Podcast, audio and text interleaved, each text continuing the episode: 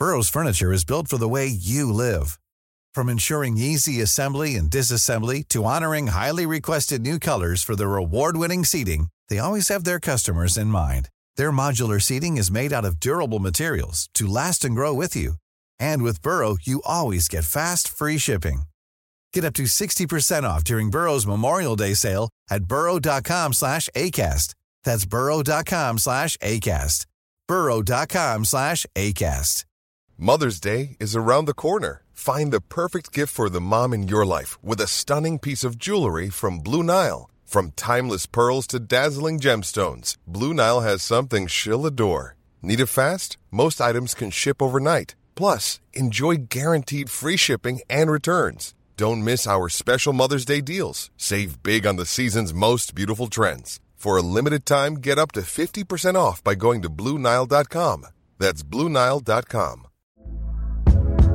Hey there, it's Michelle Norris. I'm host of a podcast called Your Mama's Kitchen. When I travel, I'm usually looking for a way to find a taste of home when I'm not at home. And one of the things I love to do when I am at home is entertain. And Airbnb allows me to do that. When I was in California recently, I rented a house that had a great kitchen. And when we were sitting around the table, we're all thinking, we're in someone else's house. Someone could be in all of our homes as well. If you have a home, but you're not always at home, you have an Airbnb. Your home might be worth more than you think. Find out how much at airbnb.com/slash host. Dette er en podkast fra Liverpool supporterklubb Norge.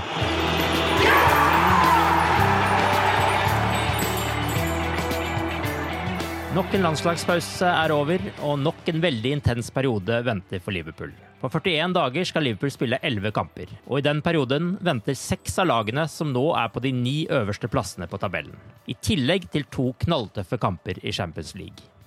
Manchester City, Arsenal, Bournemouth, Watford, Manchester United og Everton står på motsatt banehalvdel i en periode til rett over nyttår. En periode som kan få enormt mye å si for Liverpools titteljakt. I denne 18. episoden av The Cop-Out-podkasten har jeg, Arve Vassbotten, fått med meg supporterklubbens Einar Kvande og Torbjørn Flatin for å snakke om helgens kamp, men også om hva vi lærte denne landslagspausen, VAR, møte med PSG og en ganske utrolig klausul. Dette har jo egentlig vært en eh, landslagspause med flere positive ting, for en gangs skyld. Kan ikke du ta en liten oppsummering for oss, Torbjørn, om hvordan Liverpool-spillerne har gjort det? Jo, eh, det har egentlig vært litt sånn eh, trend med Liverpool i år at det er Forsvaret som eh, egentlig har bemerka seg kanskje aller mest. Den bakre fireren hadde jo alle et veldig bra opphold, egentlig, hvor Virgil van Dijk ble matchvinner for Nederland, som fikk seg stort løft med å vinne sin gruppe i konkurranse med Frankrike og Tyskland. Eh, Joe Gomez eh, hadde, var involvert i seiersmålet til England når de vant sin, sin gruppe. Og Joe, Andy Robertson eh, var kaptein for Skottland, som vant sin gruppe. I tillegg så skåra Trent Alexander Arnold sitt første mål for England. så Hele, hele, den fireren kan jo uh, si seg godt fornøyd. I tillegg så Eh, viste Sherdan Shakiri seg igjen fram for Sveits, som vant sin gruppe, og Vinaldum var med på Nederland. Eh. Så det, det var vel kanskje det, de, de, fremme, dem som gjerne ofte har blitt uh, omtalt i store overskrifter, som egentlig var litt mer anonyme. Nå skåra jo riktignok uh, Mo Salah seiersmål for Egypt, men mens Sadio Mané hadde et litt mer skuffende Eh, resultat. Og Brasse, eh, brassene fikk vi vel ikke høre så veldig mye av. De spilte vel et par eh, treningskamper. Eh, Alison Becker og eh, Firminio. Eh, Fabinho var heller ikke noe involvert særlig, så den var litt mer i bakgrunnen. Men totalt sett så var det mye positivt. Dominic Solanke er kanskje den spilleren som trengte denne landslagspausen mest for å få spilletid. og Han viste jo i hvert fall at skåringsformen på England U21 er der med fire mål på to kamper. Så langt har han bare vært på benken i én kamp for Liverpool, og det er det nærmeste han har vært førstelagsfotball denne sesongen. Burde han satses, satses mer på, synes dere? Ja, nå glemte jeg jo han, da, så Ja, da passer det fint, da. Ja, ikke sant. eh, Tja, altså jeg føler jo egentlig at jeg ville heller hatt han eh, som hva skal jeg si, første spissreserve enn eh, Divok Origi, i mine øyne, egentlig. Eh, sitter jo med sånn liten følelse at Solanke han er liksom én skikkelig match unna å kunne bryte litt igjennom. Eh, men har jo ikke fått liksom uttelling på, på førstelaget. Så det er litt vanskelig å si hva var det best for han. Hadde han hatt godt av et utlån eller ikke, men inntil videre i hvert fall, så føler jeg i hvert fall at han Jeg tror også Klopp eh, har han i tankene sine, men eh, hvor nærme han skal være å spille, eh, det er jeg litt usikker på. Jeg, jeg, det er jo som du sa innledningsvis her, nå er det mange tøffe, viktige kamper framover. og det er, det er, ikke mye anledning til å på, på en måte teste folk, så eh, det er litt sånn eh, tja, føler jeg, men eh, for all del. Altså, jeg, jeg føler absolutt at Dominik Snalke er en som fortsatt er i bildet. Hva tenker du, Einar? Jeg har på ingen måte gitt opp eh, Dominik Solanke, ja, så jeg tror han kan bli en mann for framtida. Om han blir matcha forsiktig nå, så tror jeg altså, Det er jo veldig bra at han får spille landskamper og får spilletid enig med Torbjørn egentlig at uh, egentlig heller bruker han enn uh, Origi. Uh, jeg føler liksom at uh, Origi er mer avhengig av farten, og at uh, Solanke har flere strenger å spille på. Origi fikk jo for øvrig en landskamp, han faktisk. Uh, sen innkalling og fikk tre minutter til overtida for Belgia i tapet for Sveits. nei, jeg er absolutt enig i at Solanke bør stå foran Origi i køa. Og kanskje bruke han av og til når, uh, i stedet for Sturridge. Der kommer vi jo inn på en annen sak, sikkert. Det gjør vi. Det leder meg rett over til hans eh, argeste konkurrent, kanskje, om den aller, aller første backup-plassen der, eh, hvis man kan kalle det det. Og det er jo Sturridge som har havnet i en liten knipe der han blir anklaget for brudd på gamblingreglene til det engelske fotballforbundet. Kan du fortelle litt hva som har skjedd der, Einar, og hva som er status på den saken? Ja, jeg tror ikke vi har fått all informasjon ennå, men eh, sånn som jeg har forstått det, da, så er det jo her i forbindelse med Sturridge sin låneovergang til West Bromwich det er snakk om her, da, og at det har vært satt veddemål på at Sturridge eh, skulle gå til Inter for å snakke om det da, den tida der. Eh, så, så vidt jeg har lest meg fram til, så er det slektninger av Sturridge som har sett en ganske høy sum, jeg tror det var snakk om 10 000 pund, på at han skulle gå til Inter, mens en annen slektning har sett et lignende beløp på at han skulle gå til Vestbrom. Da eh, kan det jo hende at det er en liten knipe der, for den informasjonen vil de jo mistenke har kommet fra Sturridge sjøl, selv, selvfølgelig. Mm. Uh, og hva den saken der fører til, det det er ikke godt å vite. altså. Nei, og Det siste der nå er vel at han har bedt om utsatt frist for å svare på anklagene, selv om han tidligere har eh, tilbakevist det helt. Eh, og Så får man vel bare se hva som skjer der. Men eh, han er jo spilleberettiga til helga likevel. Eh, Syns han bør spille den kampen, eh, Einar, med en sånn anklage hengende over seg? Jeg tror ikke det er noe problem for verken Liverpool han personlig. Det er jo fullt tillatt, det. Så jeg ser ikke noe galt i om Liverpool bruker han i den kampen der. Det, det gjør jeg ikke. Ehm, men eh, igjen, da. Eh, skal vi bruke en formspiller i Solanke som innhopp? Kanskje like lur idé det er som å bruke en Sturridge som kanskje har det her eh, i tankene. Så det er jo mm. kanskje ikke et moment vi må ta med i beregninga her, da. Hva tenker du, Torbjørn? Sturridge eller Solanke i kamptroppen eh, til helga? Jeg tror nok jeg ville tatt Sturridge, øh, men øh, jeg tror jeg, jeg, har i hvert fall ikke noe tro på at det vil påvirke noe spesielt ute på banen. Det jeg syns jo egentlig det er litt sånn fillesak, men nå veit vi ikke alle fakta her, da. Men hvis han på en måte har bare slengt ut at det ser ut som jeg kanskje går til Inter eller Vest Brom, og så er det noen som har spilt på det, så er det sikkert regler for det, men jeg ble overraska hvis det, det plager når han løper ut på fotballbane, så jeg, jeg tror bare ta ut, ta ut den du mener er best eh, skikka til å spille, uten å, å, tenke noe mer på det som er utafor banen, tror jeg. Når det gjelder selve saken her, altså det jeg har lagt merke til som har uttalt sjøl, er jo at han kategorisk har uttalt at han ikke har spilla på fotball sjøl, og det stemmer jo sikkert. Eh, men jeg har aldri benekta, så vidt jeg har sett, at han har prata med folk om overgangen. Så det gjenstår å se, da. Dette er vel også på en måte overganger som har vært ganske bredt uh, omtalt i media også, så det er jo vanskelige grensetilfeller her, antageligvis. Ja, det vil jeg tro. Og det finnes vel kanskje ikke så mye presedens på det her i Fotballforbundet her, så det gjenstår å se. Du nevnte jo Virgil van Dijk her og hans uh, scoring, uh, Torbjørn. Uh, det fikk meg litt Tankene gikk litt til Steven Cawker når jeg hørte om van Dijk, som jo mm. hadde et lite minneverdig låneopphold i Liverpool da han kom fra QPR. Men det jeg husker godt, er at han i to av de fire kampene han spilte, kom inn som spiss da Liverpool jaktet mål mot Arsenal og Manchester United. Jeg vet ikke om det var derfra Ronald Coman og hans mannskap hentet inspirasjon, men Van Dijk fikk iallfall en lapp eh, hvor han fikk beskjed om å flytte opp i angrep for Nederland mot Tyskland, og godeste van Dijk endte opp og å skåre det avgjørende målet. Er det noe å vurdere for Klopp også, når eh, Liverpool havner under og skal jakte mål på slutten av kamper? Det må vel være helt på slutten av kamper og litt sånn desperat situasjon, føler jeg. Men jeg syns husk at Steven Cocker også kom inn på, eller var i hvert fall involvert i den derre berømte kamp mot Norwich når uh, brillene til uh, Klopp gikk føyka, men uh, det ja, nei, altså det, det, er vel en tanke, det.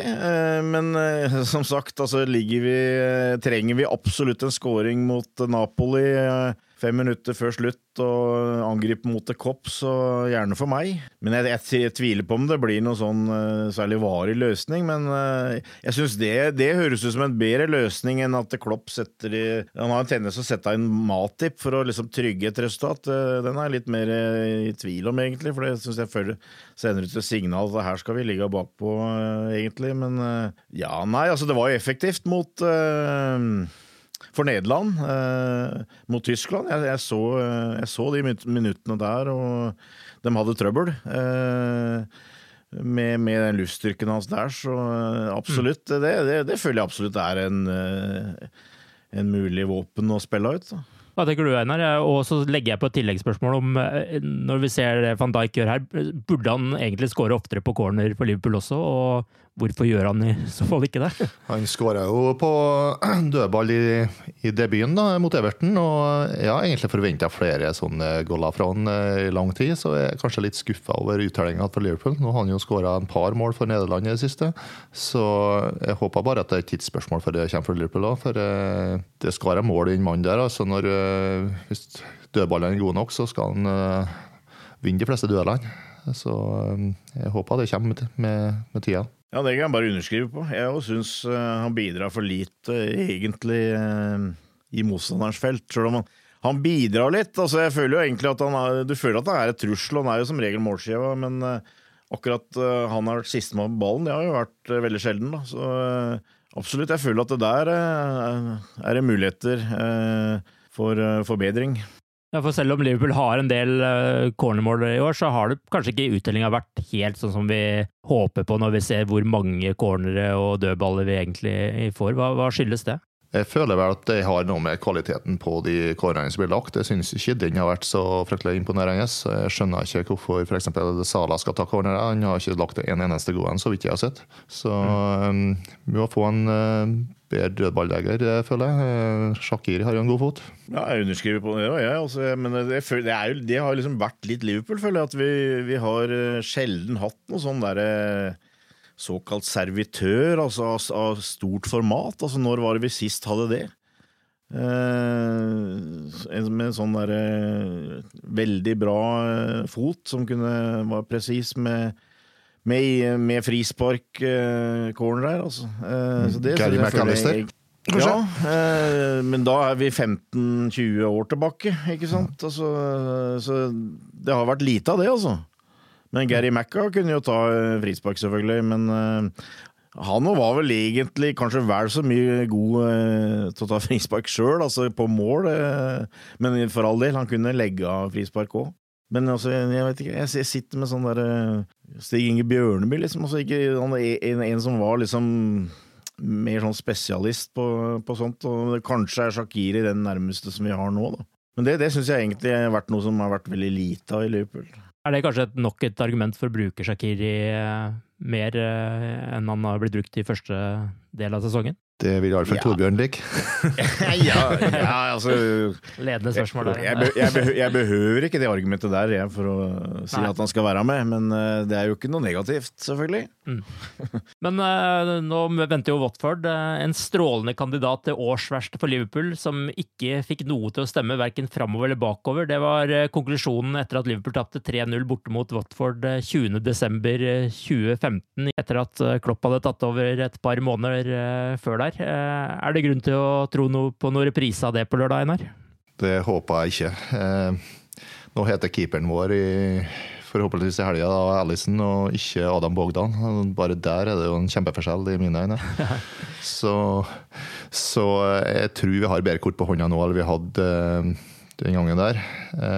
Samtidig så, så frykter jeg litt i kampen her. Det er sånn potensielt bananskall. Altså, Show, det er en intim stadion. Det, det er liv på tribuner. det- Hjemmefansen kommer til å mobilisere her. Det er jo en av årets kamper for dem.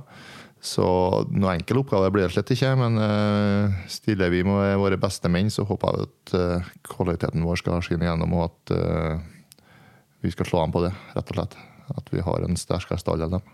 Ja, det er, det er jo en sånn litt ekkel kamp, ikke sant? og det er rett etter et landslagsopphold også. Men uh, vi har jo hatt kamper borte mot Palace og Leicester tidligere i høst, f.eks., som er noe av det samme, føler jeg. Uh, og vi greide å stikke av med alle poenga. Og ja, jeg har tro på at vi gjør det igjen, også, men det, det er en sånn litt, uh, litt vrien match. Altså. Men så vidt jeg kan huske, så har vel ikke akkurat Watford vært det laget som har tatt så mye poeng mot de topp seks, men det er mulig at jeg tar feil her nå. Men eh, de, de hadde en veldig god start og tok mye poeng, men nå har det dabba litt òg, så eh, jeg, jeg er litt enig med det Einar sa til slutt. Altså Hvis Liverpool eh, spiller opp mot sitt beste, så bør det bli eh, seier. Hvilken spillere tenker dere at skal starte denne kampen, da, som dessverre ikke vil være å se på norske TV-skjermer, får jeg jo bare legge til? Nei, jeg vi vil jo begynne med våre tre faste. Og for å gjøre Torbjørn blid, så setter vi Shakiri inn der, og da blir det jo fryktelig offensivt. da. Så spørs det hva du skal ha bak her, men jeg, jeg tror jeg har kjørt eh, Wijnaldum og, og Fabinho eller Milner. Jeg tror, nå går det rykte om at eh, Henderson blir klar, men eh, jeg tror ikke jeg vil ha brukt han fra start. Eh, Jeg ville hatt han som joker på benken til, han er spiller klar. Eh, Forsvaret har jeg kjørt eh, dem som har gjort det bra i landskapene og er i form og har sjøltillit. Så det blir jo den faste fireren da, med Robertsen og van Dijk, Gomez og Trent. Og Alison i mål, som nevnt. Det ville vært mitt lag, tror jeg.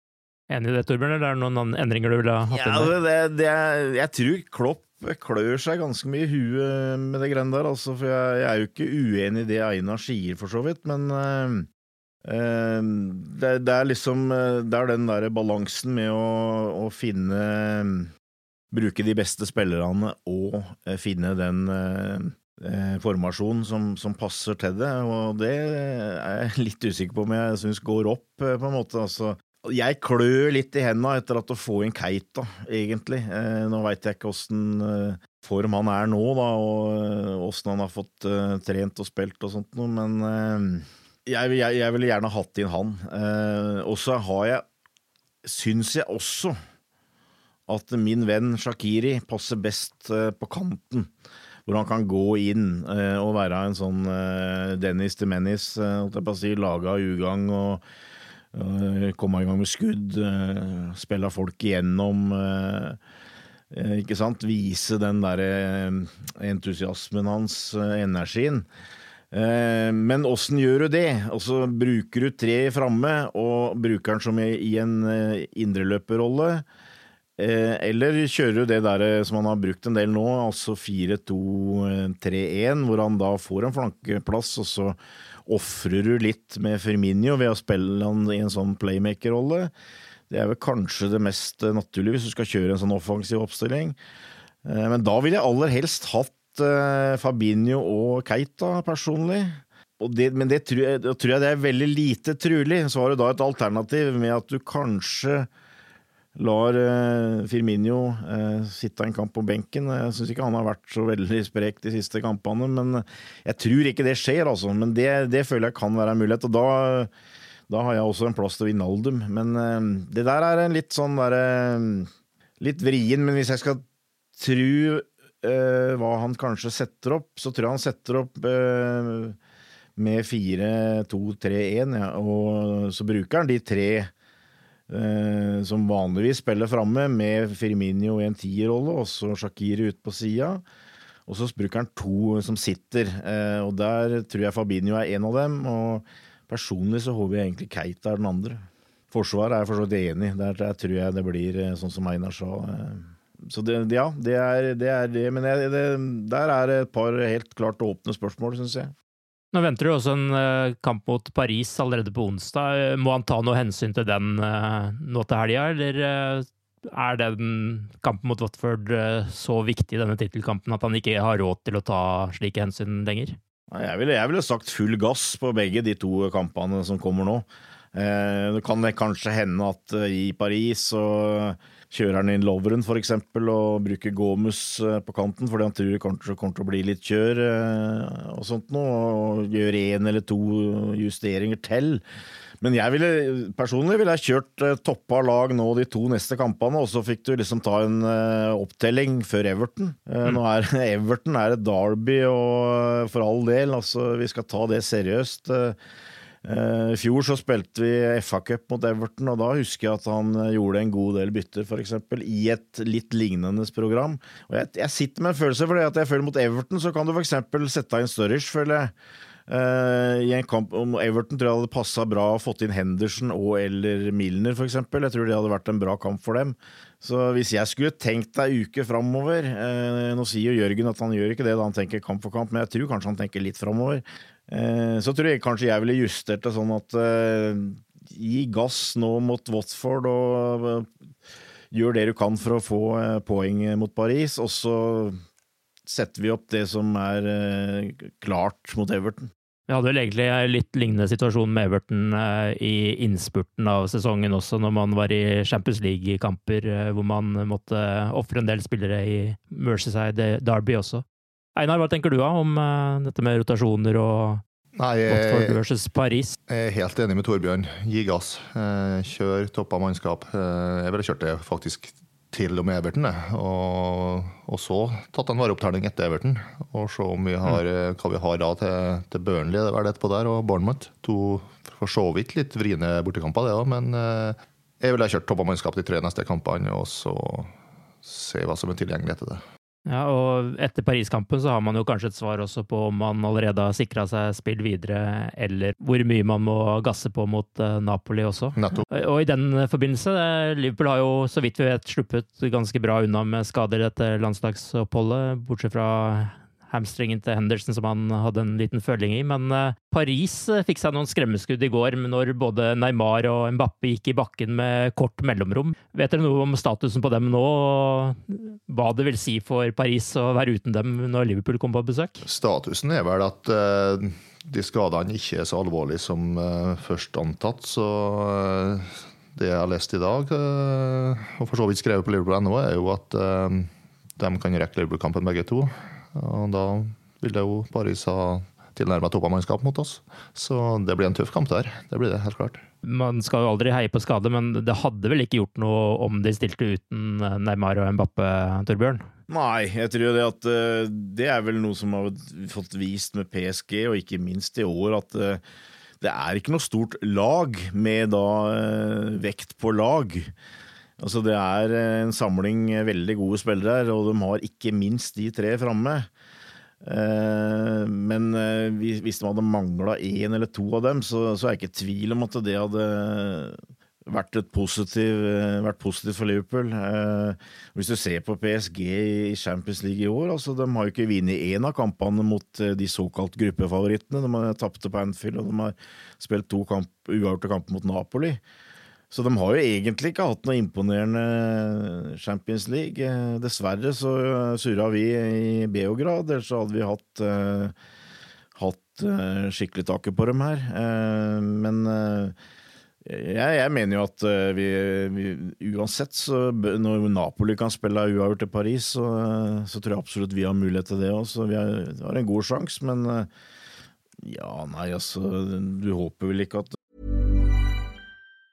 Hi, I'm Daniel, founder of Pretty Litter. Did you know cats tend to hide symptoms of sickness and pain? I learned this the hard way after losing my cat, Gingy. So I created Pretty Litter, a health monitoring litter that helps detect early signs of illness by changing colors, saving you money and potentially your cat's life. Pretty Litter is veterinarian developed, and it's the easiest way to keep tabs on your fur baby's health right at home. Go to prettylitter.com and use code ACAST for 20% off your first order and a free cat toy. Terms and conditions apply. See site for details.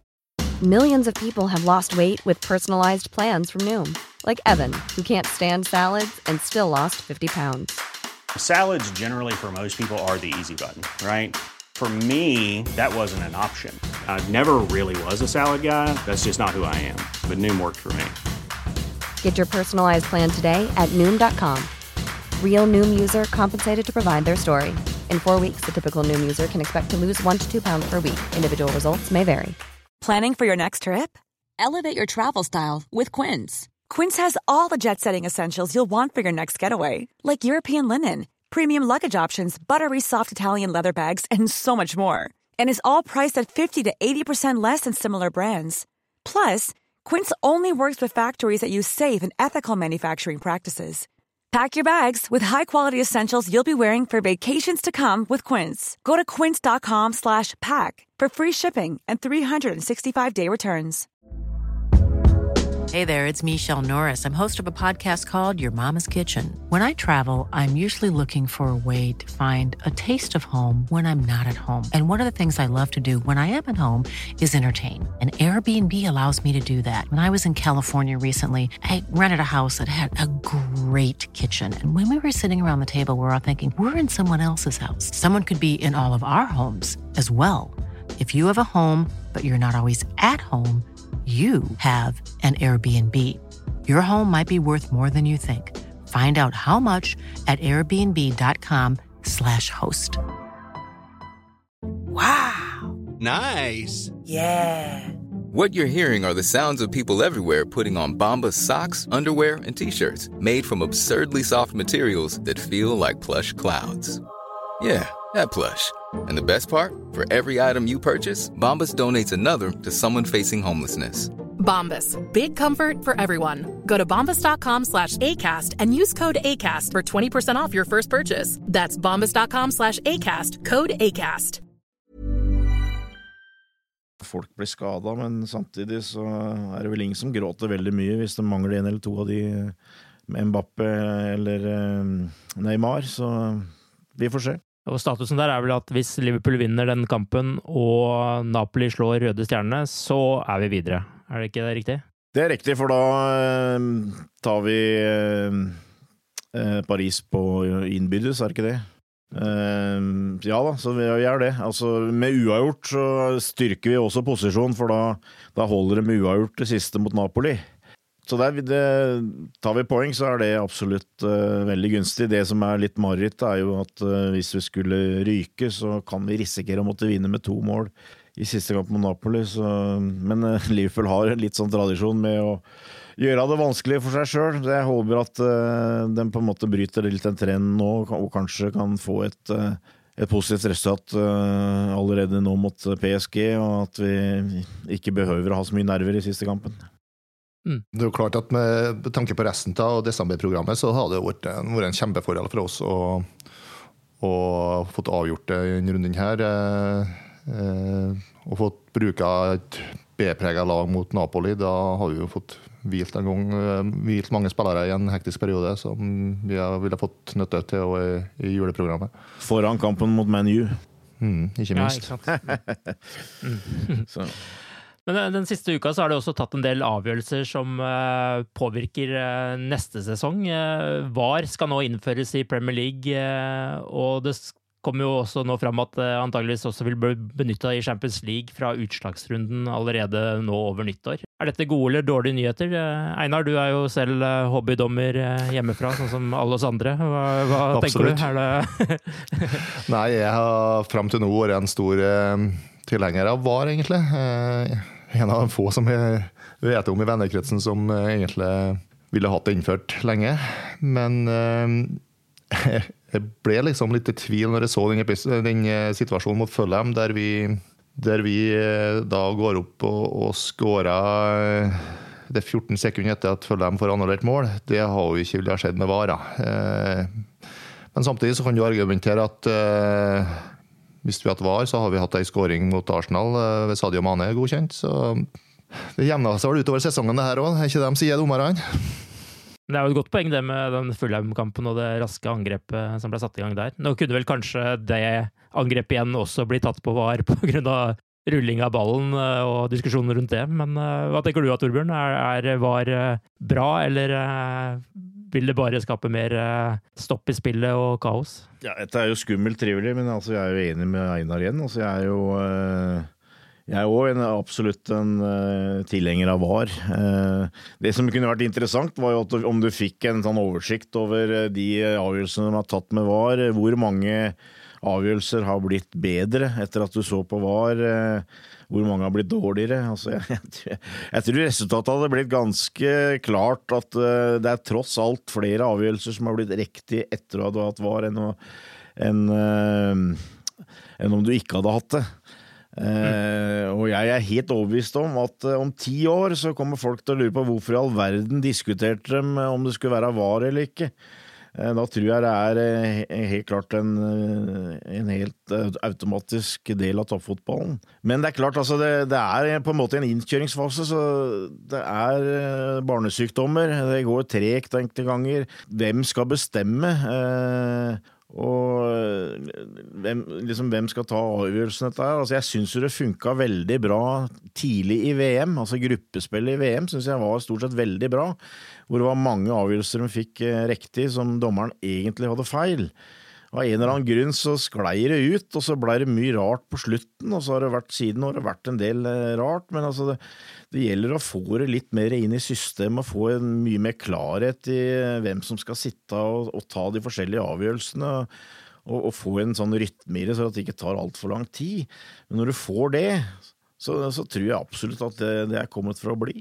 Mm. Jeg er enig i det, for så vidt. Og ankepunktet er jo det her med tid mange har mot VAR, er jo det her at det tar så lang tid. Men jeg tror du har løst veldig mye av det ved å gi mer makt til han eh, dommeren i varerommet, VAR-rommet. Altså at han kanskje blir som en hoveddommer etter hvert.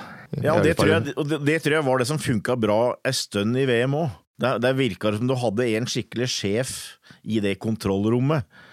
Eh, som bare ga beskjed til dommeren at 'dette skal du se på'. Uh, og du må finne på noe sånt, altså. Uh, det som jeg, og det er mulig at det blir veldig kontroversielt, og at det kanskje kan være greit å holde seg unna, men det som jeg kunne synes kunne vært interessant, var at uh, hvert enkelt lag fikk én eller flere muligheter til å gå inn og ta og, og, og få en, en avgjørelse Utfordre avgjørelsen? Ja, rett og slett utfordre avgjørelsen. Litt sånn som det er i tennis. Nå er tennis selvfølgelig ganske annerledes, men altså Si at du hadde fått tre eh, ganger i en kamp hvor eh, det ene laget eh, kunne utfordre en avgjørelse.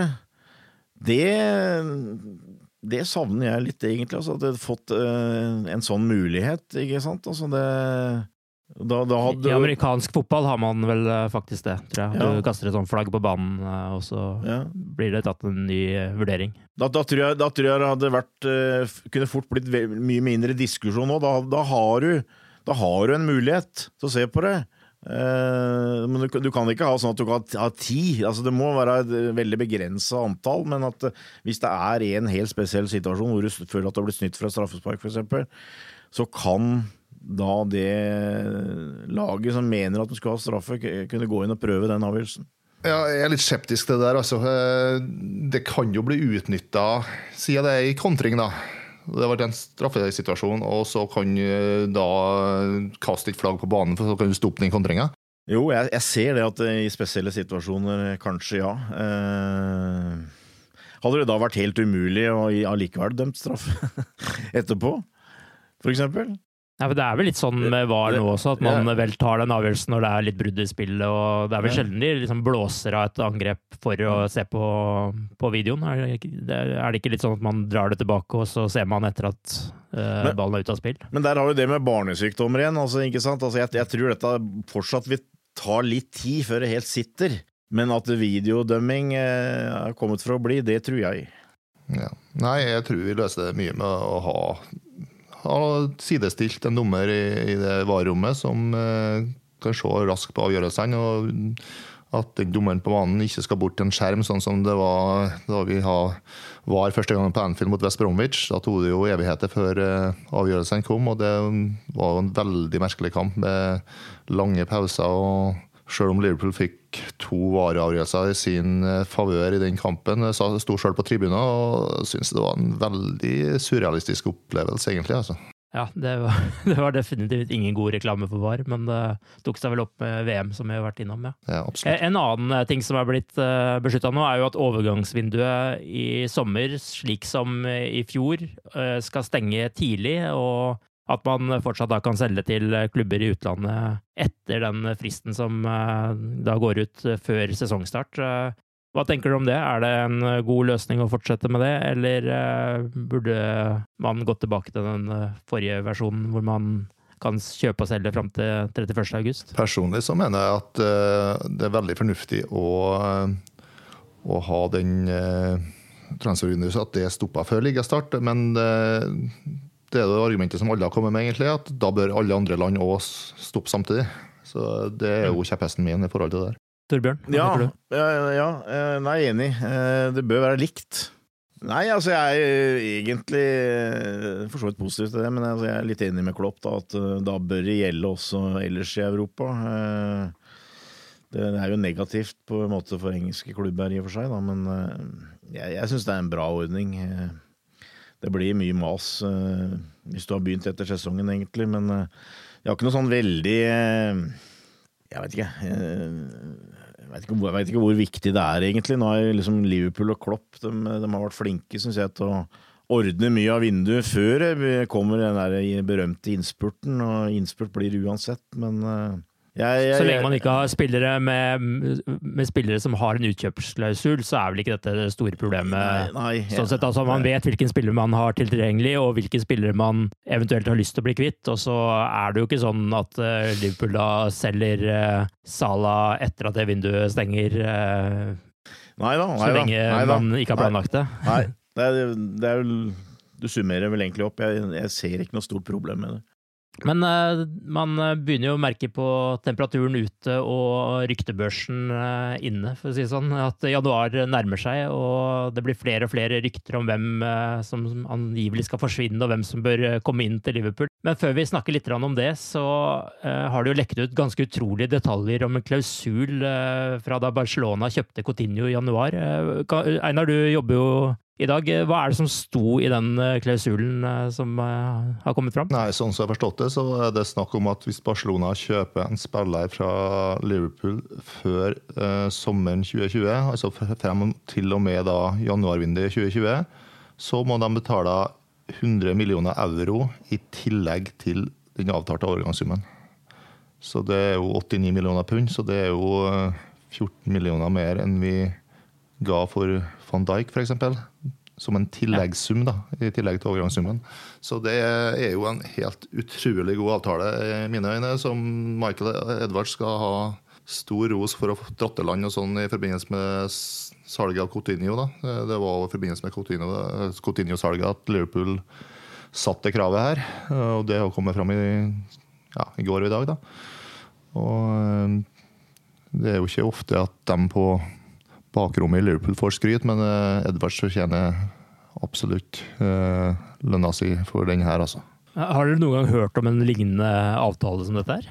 Nei, det har jeg ikke gjort. Jeg kan ikke huske at jeg har hørt om noe tilsvarende, nei. Nei, jeg har i hvert fall ikke hørt det med noen engelske klubber. Jeg vet ikke om jeg har hørt noen andre steder heller, men det har vært enkelte avtaler i Spania og Italia kanskje som har vært litt spesielle. Men eh, Nei, det, men det, altså, jeg er enig med Einar. Altså, det er jo en eh, det er utrolig bra eh, avtale, men altså det, på en måte så liksom, føler jeg det er litt fornuftig råd. Altså hvis Liverpool skal spille, selge til Barcelona, så må du selge toppspillere. Altså, eller hvis Barcelona skal kjøpe fra Liverpool, så vi snakker om toppspillere her, og da Da er det mye penger, eh, så da får de bla opp, eh, helt klart. Eh, og nå, da, da, blir det liten diskusjon om at vi skal selge på billigsalg, i hvert fall, når du har den der avtalen der i bånn. Så nei, det var tøff, tøff avtale, men som jeg syns det understreker hvor bra en del av det opplegget i klubben er blitt nå, når det gjelder og transfers og og hele den pakka der, altså. Så det, det, er artig å høre det. Ja, De har jo egentlig vist litt sånn kreativitet på det området der de siste par sesongene, med Keita-avtalen og, og, dette her osv., som er litt sånn uh, skulle si unorsk, men uengelsk uh, i stilen. At man på en måte legger inn litt så type andre avtaler enn det man har gjort før? Absolutt, de tenker helt klart utafor boksen her. Og om det er noe amerikansk som må komme inn her, da. Jeg vet ikke. Jeg kjenner ikke så godt til mm. baseballkulturen og sånne ting. Men det som helt klart ligger i bunnen her da, for, for den avtalen der, er jo at Liverpool vil bygge opp et sterkt lag, og vil ikke at uh, de spanske storklubbene skal komme og forsyne seg av våre beste spillere. Vi vil beholde dem og bygge opp vårt eget uh, mesterlag. Og det er jo det som er bakgrunnen for avtalen. Eller tror jeg at uh, det er et ønske om å holde spillere som van Dijk, Firminio Mané og Sala i klubben.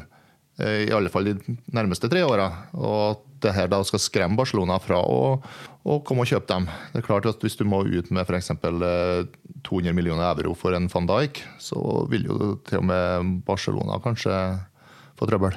Eh, kan det ses på som litt sånn straff for måten Barcelona opptrådde på i denne Coutinho-sagaen også? At det er en slags uh, bot, om man skal kalle det det, for å prøve seg på det lignende igjen? Ja, det, det føles jo nesten som ei bot. Uh, så jeg tror nok kanskje det ligger litt Liverpool var jo ikke happy for at, for at Eh, for måten eh, Barcelona agerte på i forbindelse med kjøpet av Coutinho. Det, det, kom jo en reklame der, reklamesnutt, og han var avbilda i Barcelona-trøye før alt var klart. Og, så det, jeg tror ikke akkurat at eh, Barcelona står så høyt i kurs hos Liverpool-ledelsen. Det tror jeg ikke. Og det her er litt takk for sist, på et vis. Det, det kan det nok være. Hvis vi da skal snakke litt om eh, januarvinduet sånn avslutningsvis. Eh, signalene går vel på at man ikke kan regne med noen særlige forsterkninger, men eh, det er jo noe man uansett holder kortene tett brystet på. Men er det noen plasser på laget dere føler at Liverpool bør forsterke etter det dere har sett nå i starten av sesongen? Ja, jeg har for så vidt uttala i podkast tidligere i høst at jeg føler ikke at Coutinho har blitt erstatta. Så Fikir var jo på vei inn der som en erstatter, men eh, den falt jo i fisk. Og eh, jeg føler ikke at, at vi har erstatta Coutinho, og at vi må ha noe inn der i en sånn type, sånn type spiller og sånn type posisjon, det, det ville jeg gjerne sett at vi har fått. Altså. Så vi har hatt litt flere strenger å spille på utover våren når, når folk begynner å bli litt sliten. Er det da Fekir du vil gå for igjen, eller ser du for deg andre alternativer? Nei, jeg har ikke noe navn på blokka, egentlig, men eh, jeg regner med at Fekir er det saga blått, egentlig. At eh, der har Liverpool tatt sin avgjørelse. At den medisinske testen der var såpass dårlig at det er ikke aktuelt igjen. Så da må vi eventuelt se oss om etter Are. Jeg har ikke noe navn der, altså. Det har jeg ikke. Hva med deg, Torbjørn?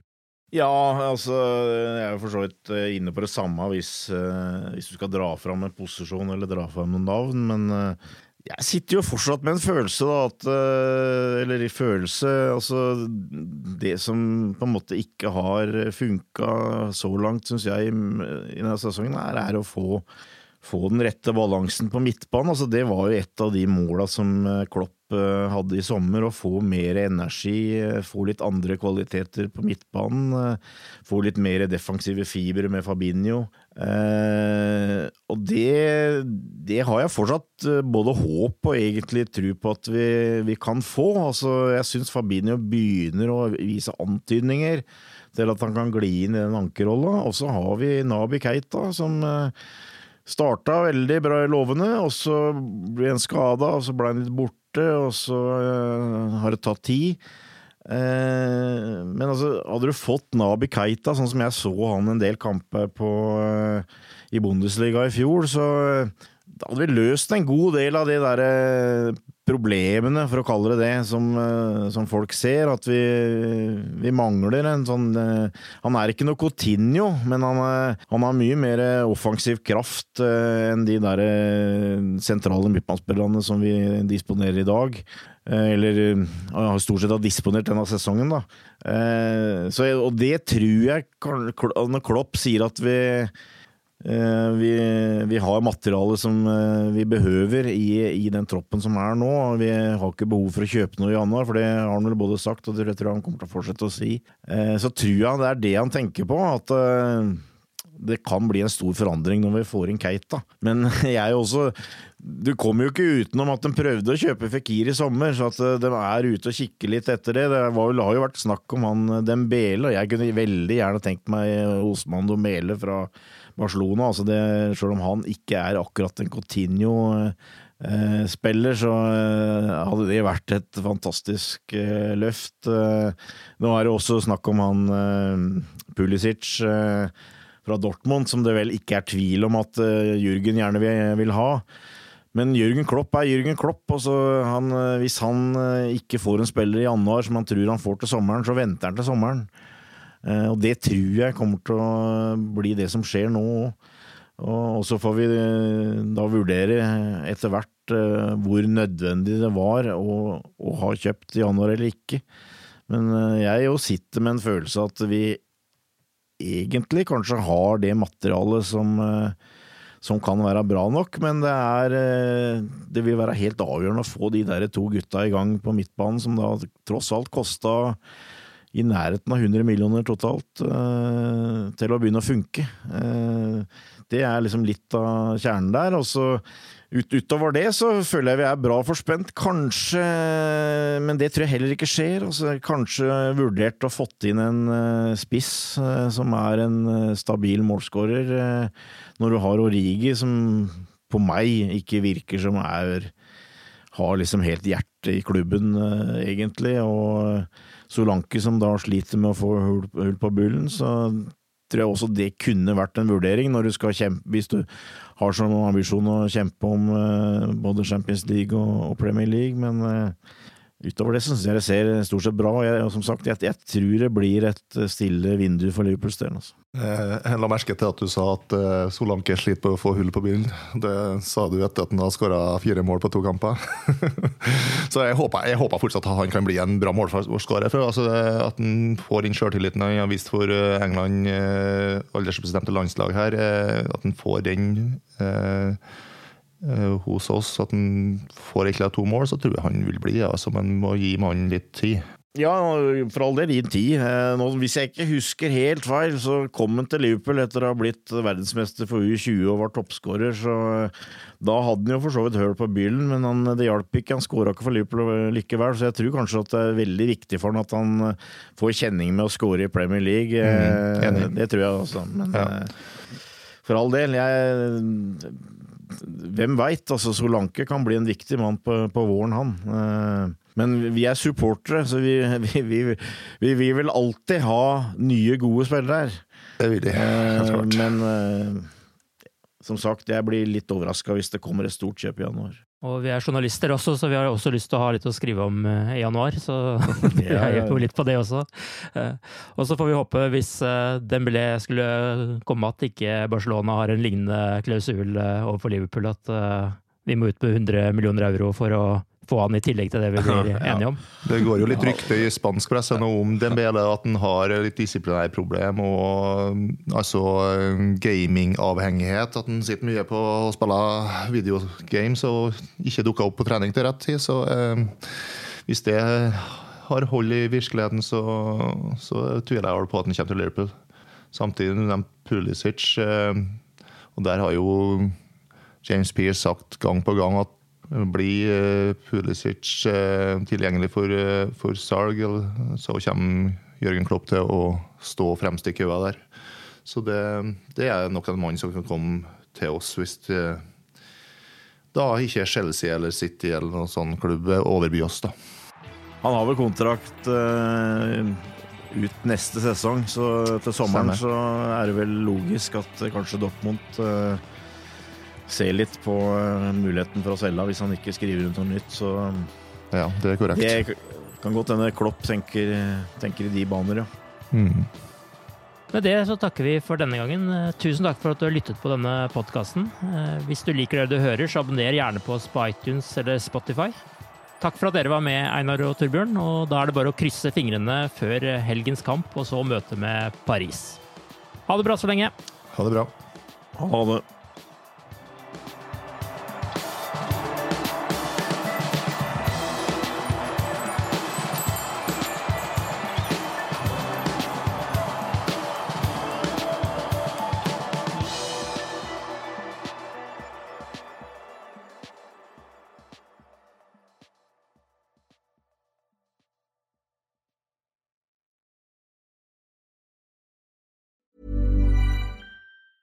A lot can happen in the next three years. Like a chatbot may be your new best friend. But what won't change? Needing health insurance. United Healthcare Tri Term Medical Plans are available for these changing times. Underwritten by Golden Rule Insurance Company, they offer budget friendly, flexible coverage for people who are in between jobs or missed open enrollment. The plans last nearly three years in some states, with access to a nationwide network of doctors and hospitals. So, for whatever tomorrow brings, United Healthcare Tri Term Medical Plans may be for you. Learn more at uh1.com. Imagine the softest sheets you've ever felt. Now imagine them getting even softer over time. That's what you'll feel with Bowl and Branch's organic cotton sheets. In a recent customer survey, 96% replied that Bowl and Branch sheets get softer with every wash. Start getting your best night's sleep in these sheets that get softer and softer for years to come. Try their sheets with a 30-night guarantee. Plus, get 15% off your first order at bowlandbranch.com. Code BUTTERY. Exclusions apply. See site for details. Planning for your next trip? Elevate your travel style with Quince. Quince has all the jet setting essentials you'll want for your next getaway, like European linen, premium luggage options, buttery soft Italian leather bags, and so much more. And is all priced at 50 to 80% less than similar brands.